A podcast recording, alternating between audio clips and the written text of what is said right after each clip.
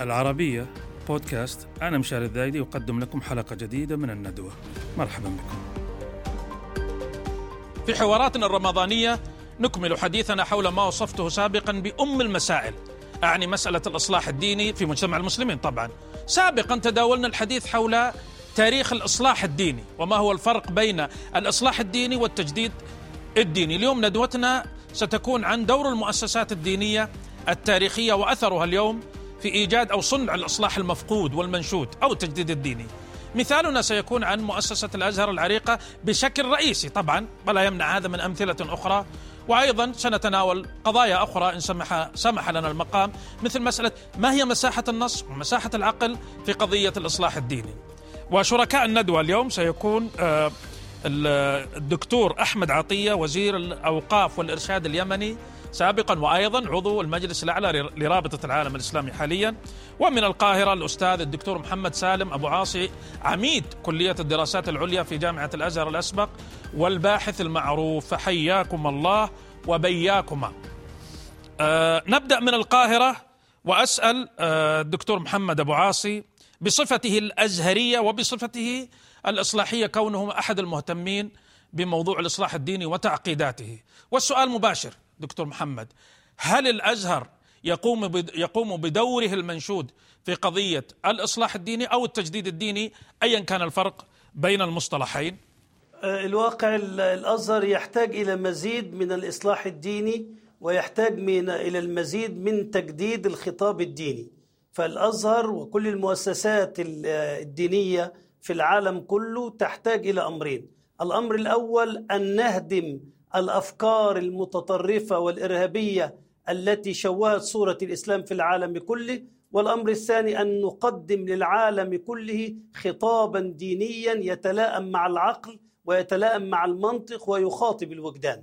نعم ولكن حول هذا الأمر قلت حضرتك في مقابلة سابقة إن الأزهر يعاني من عدم قدرته على ابتكار لغة جديدة وأنه غارق آه، آه، آه، إلى إلى إلى رأسه في لغة التراث حتى في اللغة نفسها ناهيك عن مفاهيم وشبكة مفاهيم التراث. فهل يستطيع الأزهر وحينما نقول نقول الأزهر نقصد جامعته وحلقاته آه، الخروج من هذا الأسر أسر اللغة القديمة والاشتباك مع لغة العصر ومفاهيمه؟ آه، طبعا اللغة القديمة أصبحت لا تصلح للخطاب الديني الآن. التراث كان التراث الإسلامي فيه من الجواهر وفيه من الكنوز لكن فيه قضايا عديدة جدا كانت تخاطب الوقت الذي كتب فيه هذا التراث. لكل عصر لغته ولكل عصر ثقافته ولكل عصر قضاياه المتجددة التي تحتاج وهذا ما يعرف في الفقه الإسلامي بالنوازل. يعني هناك قضايا عندنا الآن تحتاج إلى معالجات وتحتاج إلى تقديم حلول للناس لم تكن موجودة في القديم. فالتراث نحن نستفيد منه لكننا في الوقت نفسه لا نتشبث به كله لأن فيه قضايا كثيرة جدا لا تصلح لزماننا ولا تصلح لعصرنا الآن. ولذلك يا أستاذ الفاضل نحن نأخذ من التراث الكليات. يعني نحن نريد القضايا العقلية والقضايا الأصولية الكلية التي تخاطب العقل الإنساني في هذا القرن.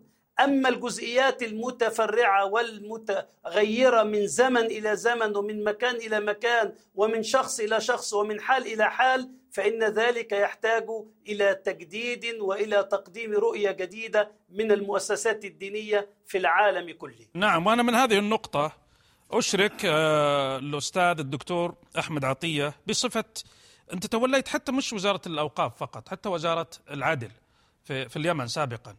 أنا أريد من هذه الصفة آه، دكتور أحمد هذه يعني هناك آه، ولاية من الدولة الدولة الوطنية الحديثة على الشأن الديني. سابقا كانت بعض المؤسسات الدينية تغذي نفسها بنفسها من خلال الأوقاف أو من خلال الوصايا والتبرعات التي قد يخصصها بعض الأثرياء أو أهل الخير. اليوم لم يعد الشأن الديني أمرا بمعزل عن الشأن السياسي. هم متشابكان ومرتبطان. يعني في الحالة اليمنية مثلا وأنت تعرف أستاذنا هناك خطاب تعبئة دينية موجود خاصة في هذا الوقت من الطرفين. يعني ما ننسى أن الحوثي في النهاية اللي هو الآن هو هو هو المعادي لفكرة الدولة الوطنية يزعم أنه يقوم على حجة دينية، لكن في المقابل أيضا لدينا هنا هنا آه، خطباء ممن هم ضد الحوثي أيضا يحاربون بعض المفاهيم الحديثة، ما أريد قوله هل الخطاب الديني تصالح مع فكرة الدولة الوطنية اليوم؟ طيب شكرا جزيلا. بسم الله الرحمن الرحيم. اولا في قاعدة في علم الفقه وفي الأصول بأن مصالح الأوطان من صميم مصالح الأديان. لا يمكن أن تتعارض المصالح الدينية مع المصالح الوطنية وبالتالي الفصل ما بين التشريع الإسلامي والدولة الوطنية هذه جريمة. كل ما فيه مصلحة تنفع الوطن هي تنبثق من الشريعة. وبالتالي تكييفها خرج كثيرا عن مساره. أنا في مقدمتك التي ذكرت ما الفرق بين الإصلاح الديني والتجديد الديني؟ نعم. أنا أميل لمصطلح التجديد الديني وليس الإصلاح الديني. ليش؟ حتى نغلق الباب على المتشددين والمتطرفين الذين يريدون أن نبقى على رتابة وعلى نفس السيستم ونفس العقلية إلى ما لا نهاية والعالم يتغير ويتبدل. وبالتالي في تأصيل شرعي لمسألة التجديد. صحيح. نأخذه أنه على رأس كل مئة عام يأتي من هذه الأمة من يجدد لها أمر دينها. لما نقول الإصلاح الديني يدخلون المتشددون من هذا المدخل ويقولوا وهل كان خاربا علشان تصلحونه مم. هو الإسلام صالح نعم. لكن تجديده أنه الأحداث والمستجدات في العالم سياسية اقتصادية طبية ثقافية اجتماعية صحيح. كل شيء غير منتهية وستظل غير منتهية. غير منتهية. والنصوص منتهية. صحيح. الوحي انقطع. صحيح. ولا يمكن ينزل جبريل إلى الأرض إلى يوم القيامة. صحيح. ولا يمكن أن يأتي نبي بعد محمد. صحيح. وبالتالي كيف نستطيع أن نجعل هذه النصوص الشرعية العامة؟ وهذه المبادئ العامة والقواعد العامة التي ذكرها الضيف العزيز من مصر كيف نجعلها تكون وعاء تستوعب هذه الأحداث المستجدة؟ لا يمكن أن نجعلها كذلك إذا بقينا بالعقل المتحجر نعم. الذي يقف عند التراث كثيرا. التراث لا نريد أن ننقطع عنه إذا نحن أيضا بالمقابل نستفيد منه في الأحداث الجديدة. إذا نحن دكتور أحمد بحاجة إلى التجديد أكثر مما نحن بحاجة إلى الإصلاح. على هذه الطاولة على فكرة كان آه، الدكتور رضوان السيد تعرفونه أكيد أستاذ الدراسات الإسلامية وافق حضرتك على هذا الأمر. بأن آه، آه، الحاجة اليوم قائمة وماسة إلى التجديد لا إلى الإصلاح باعتبار آخر بالإضافة للاعتبار اللي تفضلت فيه على اعتبار أن الإصلاح هو عود إلى الأصول نعم. يعني الإصلاح زي ضرب مثل بالإصلاح البروتستانتي في المسيحية نعم. أو الإصلاحيات السلفية في السياق الإسلامي هي عود إلى الأصول لكن التجديد لا من اسمه هو هو هو أمر مستجد لواقع جديد وهذا يعود بنا أيضا إلى الأستاذ محمد سالم أبو عاصي حضرتك أشرت قبل قليل إلى فقه النوازل. هل ترى أن أن أن الفكر الإسلامي اليوم سواء صادر من رجالات الفقه أو من رجالات أصول الفقه أو من علم الكلام الجديد كما يصفهم البعض ارتقوا إلى مستوى اللحظة اليوم؟ نحن إلى اليوم بعد مرور زهاء القرن من الزمان لم نجذر فكرة الدولة الوطنية. ودعني أضرب أمثلة أكثر صراحة. لولا أن فكرة الدولة الوطنية مهزوزة في الوجدان العام لما خرج لنا تنظيم القاعدة وتنظيم داعش وقبلهم تنظيم الإخوان الذين يقولون أن حدود الدول هي حدود وثنية وأن الأمة باتساع الأرض حيثما وصلت الكلمة. وهذا نقض صريح وهدم مباشر لفكرة الدولة الوطنية الحديثة. لماذا لم ننجح؟ دكتور محمد رغم مرور حوالي قرن بعض الدول أقل من ذلك على تجذير فكرة الدولة الوطنية داخل الوعاء الإسلامي. أنا دعني يعني آه، ألخص آه، الكلام الذي قيل وأحدد لك المشكلة. نحن يا سيدي الآن في حاجة إلى ما يسمى بفقه الدولة. إحنا مستغرقين في فقه الأفراد. نحن نريد فقه الدولة. يعني هناك قضايا كنا نتكلم فيها قديما كل واحد يتكلم بمفرده. أما الآن لابد أن نتكلم في كثير من الأحكام التشريعية خصوصا قضايا الأسرة وقضايا السياسة وقضايا المال. لابد أن نصنع ما يسمى وأن ندرس في الجامعات مادة تسمى بفقه الدولة. يعني مثلا هل تتزوج البنت القاصر؟ لابد أن الدولة تحدد القانون ويكون فقه الدولة هو الذي يتبع. مسائل الاقتصاد مسائل المال مسائل الحرب مسائل السلم كل ذلك لابد أن يخضع الآن. العالم تغير. لابد أننا الآن نصنع فقها يسمى بفقه الدولة. لا يجوز للأفراد ولا يجوز للأشخاص أن تخرج عن المؤسسات التابعة للدولة. ودعني أزيدك مسألة في غاية الأهمية. إذا إذا تأذن لي دكتور محمد هذه نقطة خطيرة. إذا فهمتها أنا كما ينبغي تعني أن يصبح دور الفقيه في هذه الحالة الفقيه الفرد كما أشرت هو آه، دور جزئي في سياق أكبر وأن يتولى زمام الأمر الذي يخص الناس في أحوالهم الشخصية أو معاملاتهم التجارية قيادة الدولة وهي أننا بحاجة ماسة إلى ما أسميته بفقه الدولة أي أن تتولى الدولة اليوم زمام لنقل التفقه والتشريع بالتالي في قضايا التي تخص آه، الفرد المسلم. وضربت مثلا بالأحوال الشخصية وغيرها. هل لك أن تلقي المزيد من الضوء؟ لأن أعتقد أنها نقطة مثيرة وحتى آه، استثارت الدكتور أحمد عطية هنا. تفضل يا دكتور محمد. يعني أنا أنا أقصد بفقه الدولة أن هناك قضايا كما تفضل ضيفك الكريم معالي الوزير أن الشريعة الإسلامية جاءت لتحقق مصالح العباد. نعم. فإذا كانت هناك آراء قد تناسب بالعصر القديم لا تناسبنا الآن. وهناك آراء تناسب المجتمع وتناسب الدولة فعلينا أن نختار هذه الآراء الصحيحة التي تناسب الدولة. ومن ثم يكون هذا فقه للدولة وللمؤسسات الدينية بحيث لا يجوز للوعاظ ولا للخطباء ولا للمتحدثين ولا لأي شخص أن يخرج عن هذا الفقه الذي قررته ضربت مثلا يعني مثلا ضربت مثلا ضربت مثلا عشان نكون عمليين شوية بمسألة تحديد سن الزواج للفتيات. بأن تأتي الدولة وتقول مثلا نعم. هذا هو السن الفلاني. لا تجي وتقول لي أنت يا الفقيه الفلاني أو المنتمي الفلاني لكلية الشريعة أو ايا يكن إنه لا والله يجوز الزواج تحت هذا السن. خلاص الدولة فقه الدولة كما أسميته قال إنه لا يجوز الزواج حسمت يا أستاذ مشاري؟ نعم تفضل. يا أستاذ مشاري وعندنا قاعدة فقهية حكم الحاكم يرفع الخلاف. يعني القضايا الخلافية إذا جاءت الدولة واختارت رايا يحقق المصلحة ويناسب العصر لا يجوز للأفراد أن يخرجوا عن هذه القاعدة وعن هذا الذي اختارته الدولة.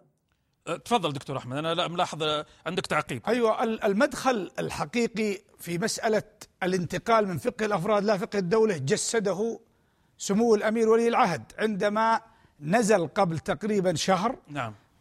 قانون الأحوال الشخصية مم. الذي تم تقنين أحكام الشريعة بموجبه وكان محل ترحيب لدى كثير من الفقهاء والمفكرين لأنه في جملته تناسب مع روح الشريعة الإسلامية. اثنين أن كثير من الدول ومن ومن ضمنها اليمن قننا أحكام الشريعة الإسلامية كلها نقل الفتوى من الأفراد إلى الكل والجميع هو أكبر هدف اليوم نستطيع ان أن نخرج الفتوى من أيدي المتشددين الذين يفتون و و ويستبيحون الدماء والأعراض ومنها هذه الفتاوى ما أنتجت داعش والقاعدة وغيرها من التنظيمات الإرهابية نعم. وبالتالي لابد من تفعيل المجامع الفقهية الكبرى نعم. المجمع الفقهي في مصر المجمع الفقهي في المملكة العربية السعودية في كثير من المجامع هذه تضم مئات العلماء نعم. بدل ما نجعل الفتوى محتكرة في يد أفراد في كل بلد إنه هذا لا هذا هذا يتحكم في الفتوى. هذا يفتي ضد الحاكم وهذا يفتي ضد المسؤول الفلاني وهذا ضد الجماعة الفلانية. حتى أصبحت الفتوى فوضى وأصبح موضوع الفتوى مسرح. من أراد أن يطلع على هذا المسرح فليطلع. صحيح. وأعطي الفتوى من هب ودب مع أن شروط الفتوى عندما نقرأها في كتاب إعلام الموقعين لابن القيم شروط شديدة جدا. نعم. اليوم شباب غض يعني غض الشباب هؤلاء صغار في السن تنبت له شعرتان في لحيته ويحفظ كم آية. ويحفظ كم حديث ثم ينصب بنفسه شيخ الإسلام ومفتي الأنام يفتي في العقائد وفي الرقاب وفي الدماء وفي الأموال وفي الأعراض وكأن الأمر شربة ماء لا يتورع عن الفتوى يكفر هذا الحاكم ويقضي على هذه الدولة ويزعزع من هذا البلد. وهذا التعبئة الخطيرة التي تلقاها الشباب اليوم هي التي أحدثت كثيرا من الفتن وإراقة الدماء في البلدان ومنها بلادنا اليمن صحيح. اليوم الحوثي يقتل ويجتاح المدن بحجة دينية. الصواريخ بفتوى دينية صحيح. أفتى بأنه منزل من الله وأن له حق الولاية على وأيضا الشعب وأيضا اليمني. القاعدة وداعش في اليمن والقاعدة هو داعش نفس الحكم نفس نفس الطريقة ونفس صحيح الأسلوب للأسف بس. بس بس هذا ألا يقود البعض يقول إن هذا قد يعني أنا لا أتبنى هذا الرأي دكتور محمد دكتور أحمد. لكن البعض قد يقول ذلك إنه هذا كأن فيه تهميش للحيوية الفقهية المستقلة وبالتالي تتغول الدولة على دور الفقيه. وقد يقول قائل آخر بأن طبقة الفقهاء إلا ما رحم ربي كانوا دائما يقاومون التغيير. يعني أضرب مثل بالأزهر. أنت أستاذ أزهري وتعرف هذا الشيء. لما طرح الشيخ محمد عبده المصلح الكبير آه، مشروعه للإصلاح تم مقاومته من الأزهر يبدو إلى أن نرجع لضيفنا تم مقاومته من من الأزهر نفسه. ولدينا تجارب أخرى. خلينا نقول لك في اليمن في السعودية. يعني أنا أذكر شيخ مثلا في السعودية قديما هذا الكلام كان يفتي بجواز الرمي قبل الزوال في الحج. آه. وهذه مسألة خلافية لكن في وقتها اعتبرت مسألة كبيرة جدا. وحورب الرجل أيما حرب وهي مسألة جد فرعية. فاللي أنا بوصل له آه، معنا الدكتور محمد أعتقد. إيه ال ال ال والدكتور أحمد أيضا إذا تشاطرني الرأي انه إنه الفقهاء يتأخرون عن الدولة أحيانا. يعني إلا ما رحم ربي نوادر زي محمد عبده زي بعض الفقهاء الإصلاحيين الكبار يصبح سابق أو متجاوز حتى للدولة. بس قليل تلقى شيخ متطابق مع رؤية الدولة. ما رأيك في هذا الأمر؟ أنا رأيي من جهتين. الجهة الأولى أن تكون هذه المؤسسات الدينية تحت إشراف الحكومات. ترك الحبل على عواهنه يطلعنا فقاسه جديدة من هؤلاء الشباب الذين يحملون أفكار متشددة. اثنين نجي من نفصل ما بين ال- الفتوى التي تتعلق بحياة الناس البسيطة فيما يتعلق بالصلاة والصيام وغيرها. هذه ممكن تترك للمفتي الصغار لكن ما يتعلق بالقضايا الكبرى قضايا الولاء والبراء قضايا الإمامة قضايا القتال. الرئاسة قضايا القتال قضايا المقاطعات والأحوال الشخصية أيضاً. الدول قضايا الأحوال الشخصية التي تتعلق بالعلاقة الرجل بالمرأة. أعتقد أن أن نتركها لإمام مسجد أو لخطيب أو جامع حتى لجامعة. أو أو لواعظ أو أستاذ جامعي. هذه جريمة جريمة نعم. في حق المجتمع وجريمة في حق الله عز وجل. نعم. معانا أعتقد الدكتور محمد. آه آه لعلك استمعت إلى جانب من هذا النقاش. أنا أردت القول انه إنه أحيانا الفقيه أو الفقهاء طبقة الفقهاء يكونون طبقة معيقة للتقدم أو آه ريادة الدولة آه لحل المشكلات الناس في النهاية الدولة عندنا تحكم مجتمع مسلم وبالتالي هي ملزمة بتقنين الأحوال الشخصية، ملزمة بتقنين القضايا الجنائية، ملزمة بتقنين القضايا العلاقات الدولية إلى آخره يعني. الملاحظ إنه بعض الأحيان أو في كثير من الأحيان تصبح طبقة الفقهاء مقاومة بشراسة لهذا الأمر لسبب أو لآخر، حفاظا على مصالحهم، صعوبة في تقبلهم للتغيير إلى آخره، ولعل المثل الأبرز في مصر مثال الشيخ محمد عبده كيف قاومه الأزهريون. دكتور محمد آه، طبعا أنا أتفق معك نعم أتفق معك تماما وهذا يذكرني بما قاله الإمام القرافي أن المصيبة أن بعض الناس من الفقهاء يذهبون إلى الكتب فيأخذون ما يجدونه في الكتب وهذا قد لا يتناسب مع الناس فيحدثون بلاء. يعني مثلا الإمام القرافي يقول بأن تصرفات النبي عليه الصلاة والسلام تنقسم إلى ثلاثة أقسام فتارة يتصرف باعتبار الوحي باعتباره نبيا ومرة يتصرف باعتباره حاكما رئيس دولة ومرة يتصرف باعتباره قاضيا. يعني مثلا أضرب لك مثالا عندما قال صلى الله عليه وسلم من أحيا أرضا مواتا فهي له هل يجوز الآن أن يتلاعب الناس بأراضي الدولة ويروحوا يستولوا على الدولة يقول لك النبي عليه الصلاة والسلام صحيح. قال من أحيا أرضا مواتا فهي له يقول الإمام القرافي لا لأن النبي عليه الصلاة والسلام لما قال هذا الحديث قاله باعتباره رئيس دولة. نعم. فأنت علشان تأخذ أرضا من الدولة لابد أن تعود إلى الوزارة المسؤولة وتعود إلى الدولة وتستخرج الأوراق اللازمة. ومن هنا لابد أن نفرق بين هذه التصرفات بين تصرفاتي باعتباري قاضيا بين تصرفاتي باعتباري حاكما بين تصرفاتي صلى الله عليه وسلم باعتبار النبوة والوحي. أيضا من نقطة من نقطة من نقطة القرافي من- نقطة القرافي العظيمة التي أشرت لها دكتور محمد نقيس عليها مثل المثال الرائع ال- من أحيا أرض مي آه، مواتا فهي له مسألة إعلان القتال. يعني إعلان القتال الآن ما يسمى سابقا بالجهاد الآن أصبح حصرا مسؤولية الدولة. ولذلك أنشئت وزارة الدفاع ولذلك وجد الحرس الوطني وغيره من الأجهزة المعنية بهذا الأمر. نعم. ولذلك قالوا إن أحكام الجهاد تخضع لما يسمى بالسياسة الشرعية. إيه السياسة الشرعية؟ علم السياسة الشرعية أن الأمور هناك الكثير من الأحكام تخضع لحاكم الدولة. هو الذي يقول متى نحارب متى لا نحارب متى نجاهد متى لا نجاهد متى نعقد السلم حسب الظروف والأحوال التي يراها هو. نعم. ولذلك هناك قاعدة أيضا أنا أريد أن أشير إليها. نعم.